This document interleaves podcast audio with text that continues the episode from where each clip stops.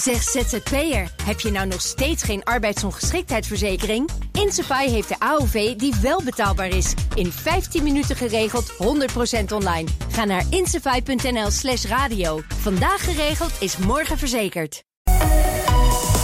BNR Nieuwsradio. BNR breekt.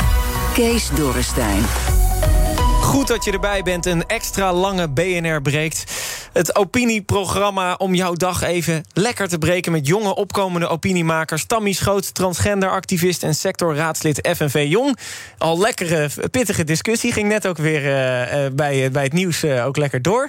En Youssef Kobo, voor het eerst hier uit België helemaal gekomen... oprichter van A Seat at the Table... om jonge carrièremakers te koppelen aan CEO's... en columnist bij De Tijd... En de tijd, in welke hoek moet ik dat een beetje scharen, de Belgische tijd? Het equivalent van jullie financieel dagblad. Uh, ja. Dus uh, ja, vooral financieel-economisch nieuws. Uh, laten we zeggen, centrum met een klein tikkeltje rechts. Een zeer klein tikkeltje. centrum met een tikkeltje rechts. Tikkeltje oh, rechts, maar vooral Tommy, op zeer Tommy, jij bent een heel tikkeltje links.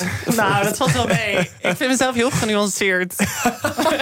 Waarom lach je zo? Ja, ik moet er heel hard op lachen. Maar ik zie ook de reacties op Twitter ja. voorbij komen. Ik weet niet of mensen jou heel genuanceerd vinden. Maar dat vind ik juist leuk, want we zijn een discussieprogramma. Ik krijg ook heel veel DM's dat mensen heel graag naar me luisteren. En dat ik echt hun favoriete BNR breekstem ben. Dat zijn er één of twee hoor. Maar... ik je gelukkig met die twee. Ja, of zo. Mooi. Ik krijg heel veel DM's. Het zijn er twee. Uh... we kunnen deze zomer waarschijnlijk niet genieten van dit.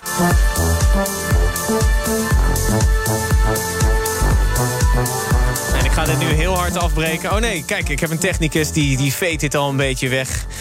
Ja, festivals. Hè. De festivalzomer staat steeds meer op losse schroeven. Het kabinet versoepelde te vroeg...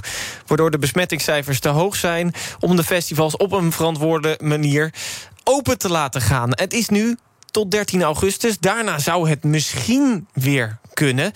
In ieder geval, uh, dus een Lowlands uh, staat nog gepland. Uh, een Mysteryland volgens mij.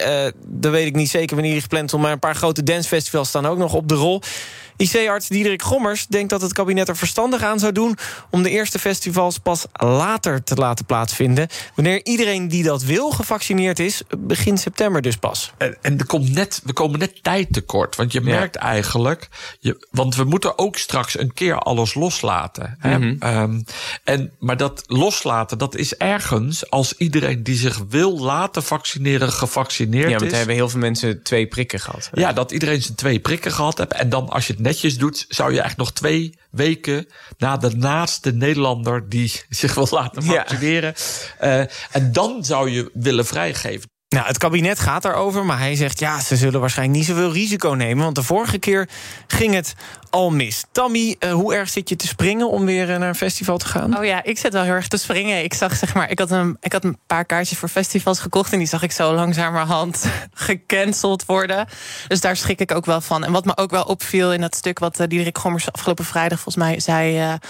dat, dat meerdaagse festivalen, dat je eigenlijk iedereen zich moet laten testen. Ook en dat je dat elke dag moet blijven doen. En dat je dat elke dag moet blijven doen. En voor mij zit daar een maatregel die gewoon onmogelijk gaat worden. Want als iedereen met zijn tentje op de camping staat, is het volgens mij best lastig om als iedereen het festivalveld op wil bij Lowlands. En ik ben er wel eens geweest. Dus onmogelijk om eerst iedereen te laten testen. Dus dat zijn denk ik dingen die de toekomst somber doen kleuren. Ja, en als je dan zo kijkt, denk je dat hij gelijk heeft? Dat we eigenlijk pas vanaf half september weer festivals kunnen doen. En dus festivalzomer gaat niet door? Ja, maar ik wil wel een kleine nuance erbij zetten dat het misging tussen aanhalingen het was natuurlijk slecht getimed door de overheid. Dus daar ligt natuurlijk die. Ik van die verantwoordelijkheid ook echt wel bij de overheid liggen. En dat hele het dansen met Janssen, dat je meteen al met een Janssen-vaccin hoppa de club in mocht. Dat zijn natuurlijk maatregelen die niet slim waren. Ik denk echt wel dat het op een goed gereguleerde manier in augustus had gekund. Maar ik denk dat we die, die poging 1, om het zo maar even oneerbiedig te noemen, hadden we beter kunnen overslaan, denk ik. Ja. En dat wist het kabinet denk ik ook wel. Jozef, hoe zit het in België? Ja, we hebben ook net uh, twee zeer belangrijke discussies gehad. Onze twee grootste moet festivals. je moet even wat dichter op de microfoon. Ja, onze twee grootste festivals uh, natuurlijk. Uh, Pukkelpop en Tomorrowland trekken dagelijks 70.000 mensen aan. Maar ook mensen van over de hele wereld, tientallen landen. Die gingen door, zijn last minute gecanceld. Er valt heel veel aan te rond te doen. Vooral omdat de overheid borg staat en plots miljoenen euro's gaat geven aan, aan die festivalorganisatoren.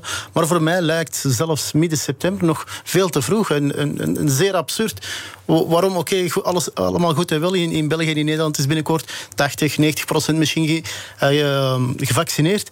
Maar je trekt nog altijd 10.000 mensen aan van alle uithoeken van de wereld die niet allemaal 100 procent gevaccineerd zijn of door de maas van het net gaan glippen. Ja, daar creëer, je bepaalde petri dish mee. Dat is een zeer gevaarlijk experiment. Ja, want op zich, die Delta-variant, die, die, die, die kan je vooral ook krijgen. Of de kans is hoog op het moment dat je maar één keer gevaccineerd bent. En die jongeren, die krijgen pas in augustus vaak hun tweede prik. Dus, dus ja, creëer je dan ook niet een superspreader-event? Nee, absoluut. En je hebt nu vier, bekende, vier gekende varianten, maar er zijn ook varianten uit die we nog niet kennen.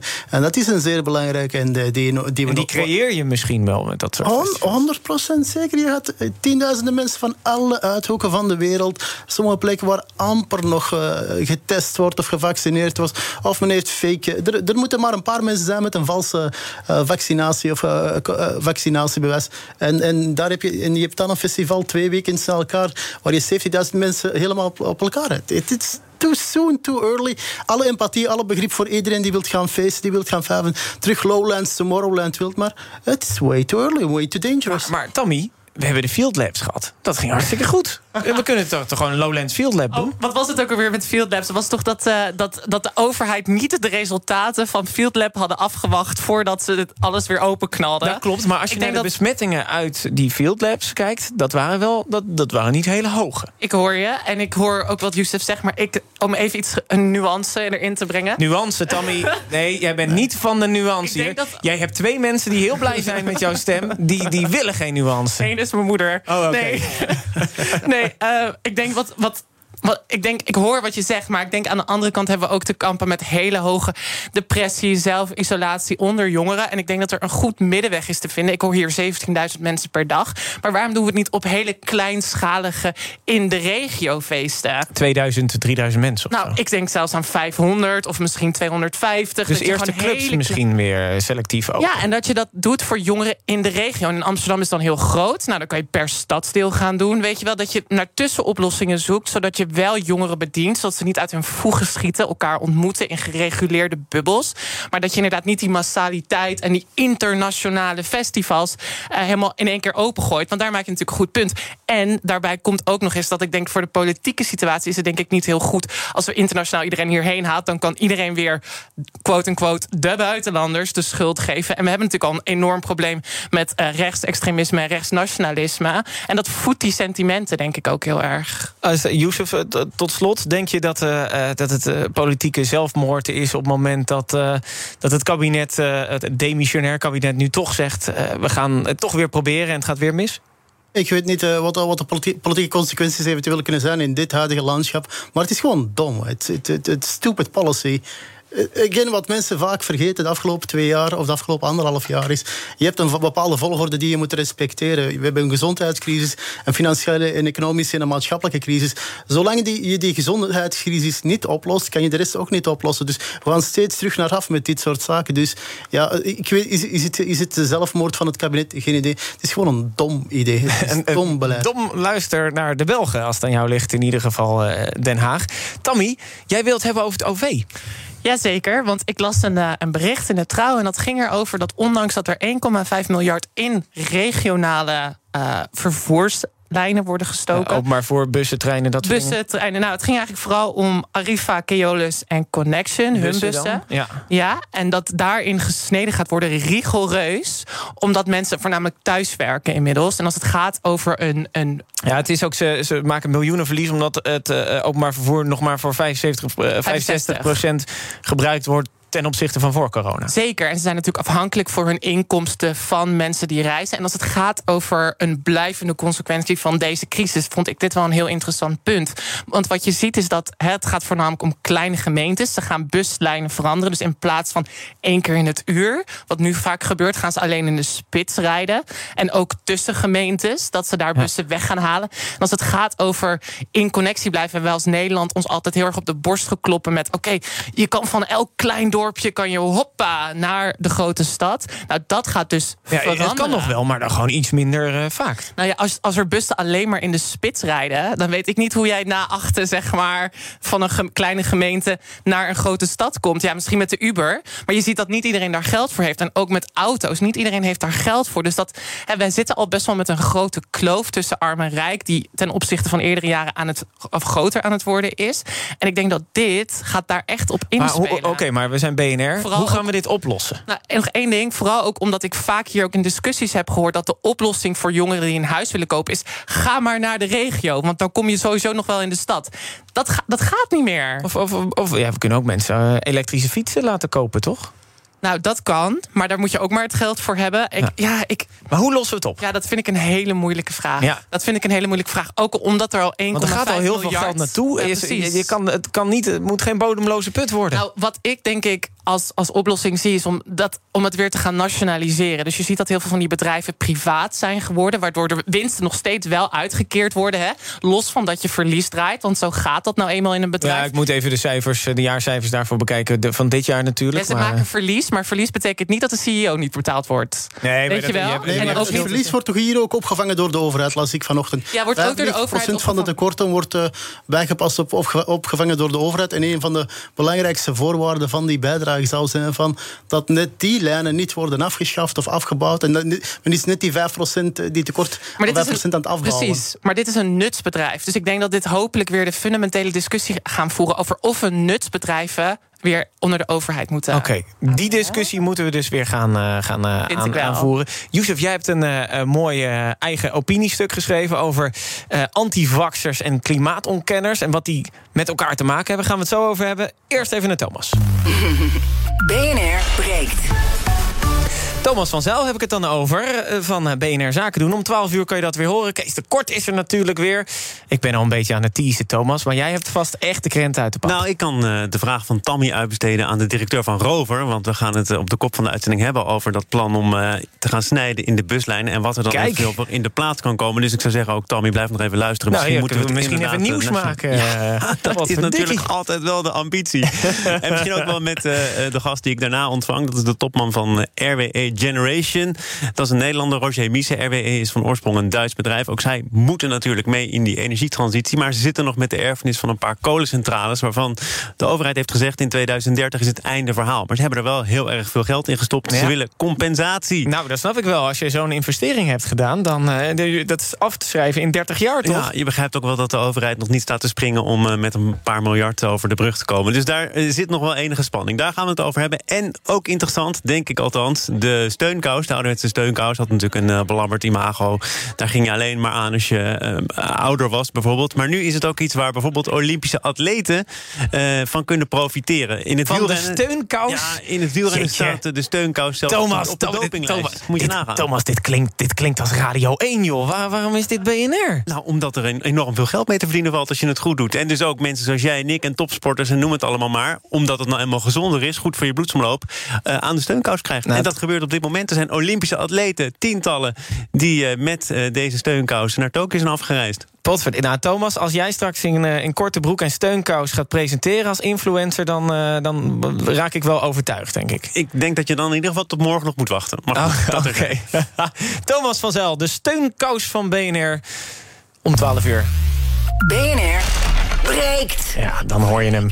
Je luistert naar BNR Breekt dus. De onderbreking van jouw ochtend met jonge opiniemakers... Youssef Kobo en Tammy Schoot zijn hier nog steeds aanwezig. We bespreken het nieuws van de dag... maar ook gewoon de opvallendheden en eigen geschreven stukken... om gewoon even de discussie een beetje los te maken.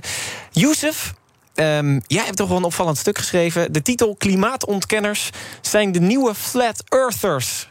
En dat zijn dan van die mensen die nog steeds denken dat de, dat de aarde plat is. Ja, het is natuurlijk een beetje een, beetje een uh, gechargeerde titel, maar we hadden uiteraard uh, tien jaar geleden de overstromingen in, uh, in het zuiden van ons land, in België.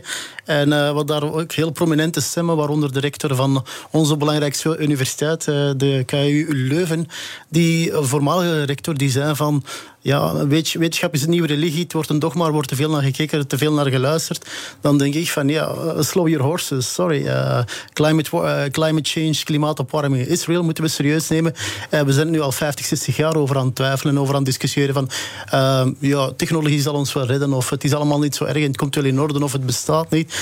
Ja, ik trek heel, heel gechargeerd, een beetje stout van mij natuurlijk, een, een parallel met flat earthers die ook gewoon in onzin geloven. En dat is het voor mij. Dus wat ik een beetje zeg is van... Maar, klimaatontkenners, ik bedoel, je hebt, je hebt ze ook in, uh, in de Kamer zitten... Ja, uh, die, die hebben toch nog een aardige aanhang. Flat Earthers, daar kan je niet meer mee aankomen. Dan ben je gewoon een gekkie. Ja, absoluut. Maar dus wat ik schrijf in het, in het stuk is eigenlijk van... er is een grote overlap tussen klimaatontkenners en antivaxers. En uh, die zijn toch wel significant. Maar de vraag is natuurlijk, met de kennistechnologie, de wetenschap die we vandaag de dag hebben... is het toch absurd om nog vaccins in vraag te gaan stellen... en klimaatopwarming in vraag te gaan stellen. Maar wat, wat is die overlap dan? Overal. Het zijn vaak dezelfde mensen. Het zijn vaak dezelfde mensen, het, uh, vaak dezelfde figuren. Net zoals hier in, uh, uh, in Nederland een, bijvoorbeeld een Baudet hebt die continu chargeert tegen twee, twee groepen. De, twee, de mensen die deze zaken aanbrengen. En ja, het zijn toch wel vaak dezelfde figuren, dezelfde groepen die profiteren. In de VS heb je, heb je de, de Fox News van deze wereld, die continu met de wetenschap in de clinch gaan. En mijn betoog is dan allemaal goed en. Iedereen mag geloven wat hij nu wilt. Zijn eigen bronnen uh, consulteren. Maar de feiten zijn wat ze zijn. En als die feiten ook op de lange termijn, hè, dat we het steeds in, in vraag blijven stellen, dan zie je ons enorm veel kosten als maatschappij. Uh, te laten ingrijpen bij klimaatopwarming enzovoort, of bij uh, de vaccinatiecampagnes, ja, dan denk ik dat je daar ergens een, een, rode lijn moet trekken. Want als je bepaalde dingen steeds in vraag blijft stellen, verliezen wij kostbare tijd. En dat, komt, dat gaat gepaard met één, enorme kosten, enorme maatschappelijke kosten, financiële kosten en ook enorm veel dus- doden. Dus, jij denkt eigenlijk over hoeveel jaar zeggen wij tegen dat soort mensen... Ja, je bent gewoon net zoals een flat earther, joh. Je, je weet helemaal niks meer.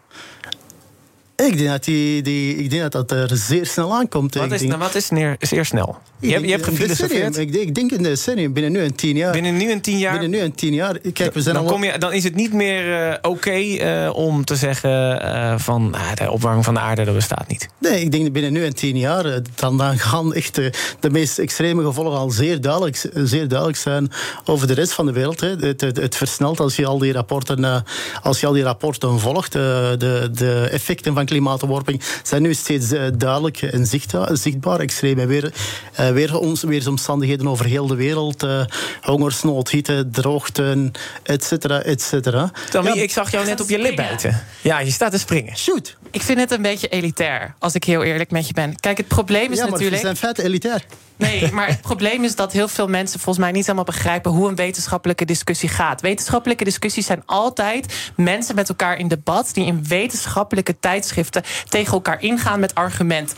Als je dat naar het publieke debat trekt, en daarvoor, daar is ook heel veel uh, hoe noem je dat ook weer, verwarring over gekomen in het Nederlands publieke debat, dat je verschillende virologen hebt die verschillende dingen zeggen. In de wetenschap is dat heel normaal, maar als je dat naar een groter publiek brengt, denken ze ja, maar die zegt dit en die zegt dit. En daarin kan je, kunnen die, die mensen die misinformatie verspreiden heel makkelijk om aanhaken. Want ze worden dan gepresenteerd als weer een stem in het debat. En wat ik jammer vind aan het stuk is dat het dat niet begrijpt. Het begrijpt niet hoe mensen uh, kijken naar dat wetenschappelijke debat. Dat zou je moeten brengen naar de mensen. Je moet zouden zeggen, als je deskundigen hebt. Deskundigen vinden allemaal wat anders, want de wetenschap is in essentie één groot debat. Yusuf, hoe, uh, hoe, hoe, kijk je hier naar? Nee, nee, ik denk dat er een zeer duidelijk onderscheid is. Uiteraard uh, kan over alles geargumenteerd, is gediscussieerd en gedebatteerd worden. Maar uh, als je ziet, binnen, binnen, binnen sommige kringen ga je wel heel deep down die rabbit hole. Ik heb, ik heb het in mijn eigen omgeving, in mijn eigen kennissenkring. Als je het hebt over die debatten, uh, vooral de vaccinatiecampagne, ga je zo ver en zo diep. de wildste complotten. Het probleem is, en daar maak je eigenlijk een heel goed punt. Het probleem is dat inderdaad in de wetenschap zijn er bepaalde kaders. Maar de journalistiek hier doet niet hetzelfde als wat die wetenschappelijke tijdschriften ook doen. De journalistiek hier die zet niet van oké, we, zetten, we, we, we zetten de stop bij uh, nou, flat earthers. Die zie je soms ook gewoon in, in op, weet je, op de Nederlandse publieke omroep hun, hun ding vertellen bij Omroep Pound bijvoorbeeld. Dus Nederland, de Nederlandse journalistiek neemt niet die verantwoordelijkheid om het in te kaderen op dezelfde manier zoals dat in de wetenschap gebeurt. Maar dat gebeurt in België wel volgens mij. Toch? Daar is de journalistiek wat strenger wat dat betreft. Ik, ik, durf het niet zeggen. Ik, ik, sowieso strenger dan hier, dat is niet zo moeilijk.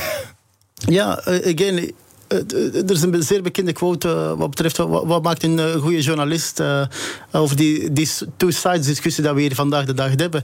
Als, als iemand zegt van het regent buiten, dan is het de, de plicht van een journalist om het raam open te doen en zijn, kop, zijn hoofd buiten te steken en te zien of het wel degelijk regent. In plaats van iemand daarnaast te, zeggen, daarnaast te zetten als gelijkwaardige die zegt van nee, het regent niet. En, het regent niet. En dat is wat we hier vandaag doen met deze twee, met deze twee discussies. We, geven, we leggen te veel eieren onder die persoon die zegt van nee, het regent niet. Of die vaccinaties zijn gevaarlijk of klimaatopwarming bestaat niet. En again, mind you not, klimaatopwarming, die discussie voeren we al 50, 60 jaar. Sinds, de, sinds het rapport van de Club van Rome wordt het al 50, 60, 70 jaar tegengewerkt. En dat heeft nu bepaalde concrete gevolgen. En daar leg ik ook de parallel met, again, vaccinatiecampagne. Als we dit blijven doen met de volgende pandemie, wat ga je dan? Ga je steeds weer die, ja. die discussie hebben? Dat ben, ik slot, helemaal, Tammy. dat ben ik helemaal met je eens. En ik denk dat er ook, we zijn in een soort postmoderne tijd gekomen waarin alles op de belevingswereld van de van het individu wordt gegooid. Dus ook dat journalisten eigenlijk niet meer een soort objectieve toeschouwer kunnen zijn. Wat ik denk dat de journalistiek zou moeten doen, maak je eigen subjectiviteit duidelijk. Zeg vanuit waar je spreekt. Ik denk dat dat heel erg belangrijk is.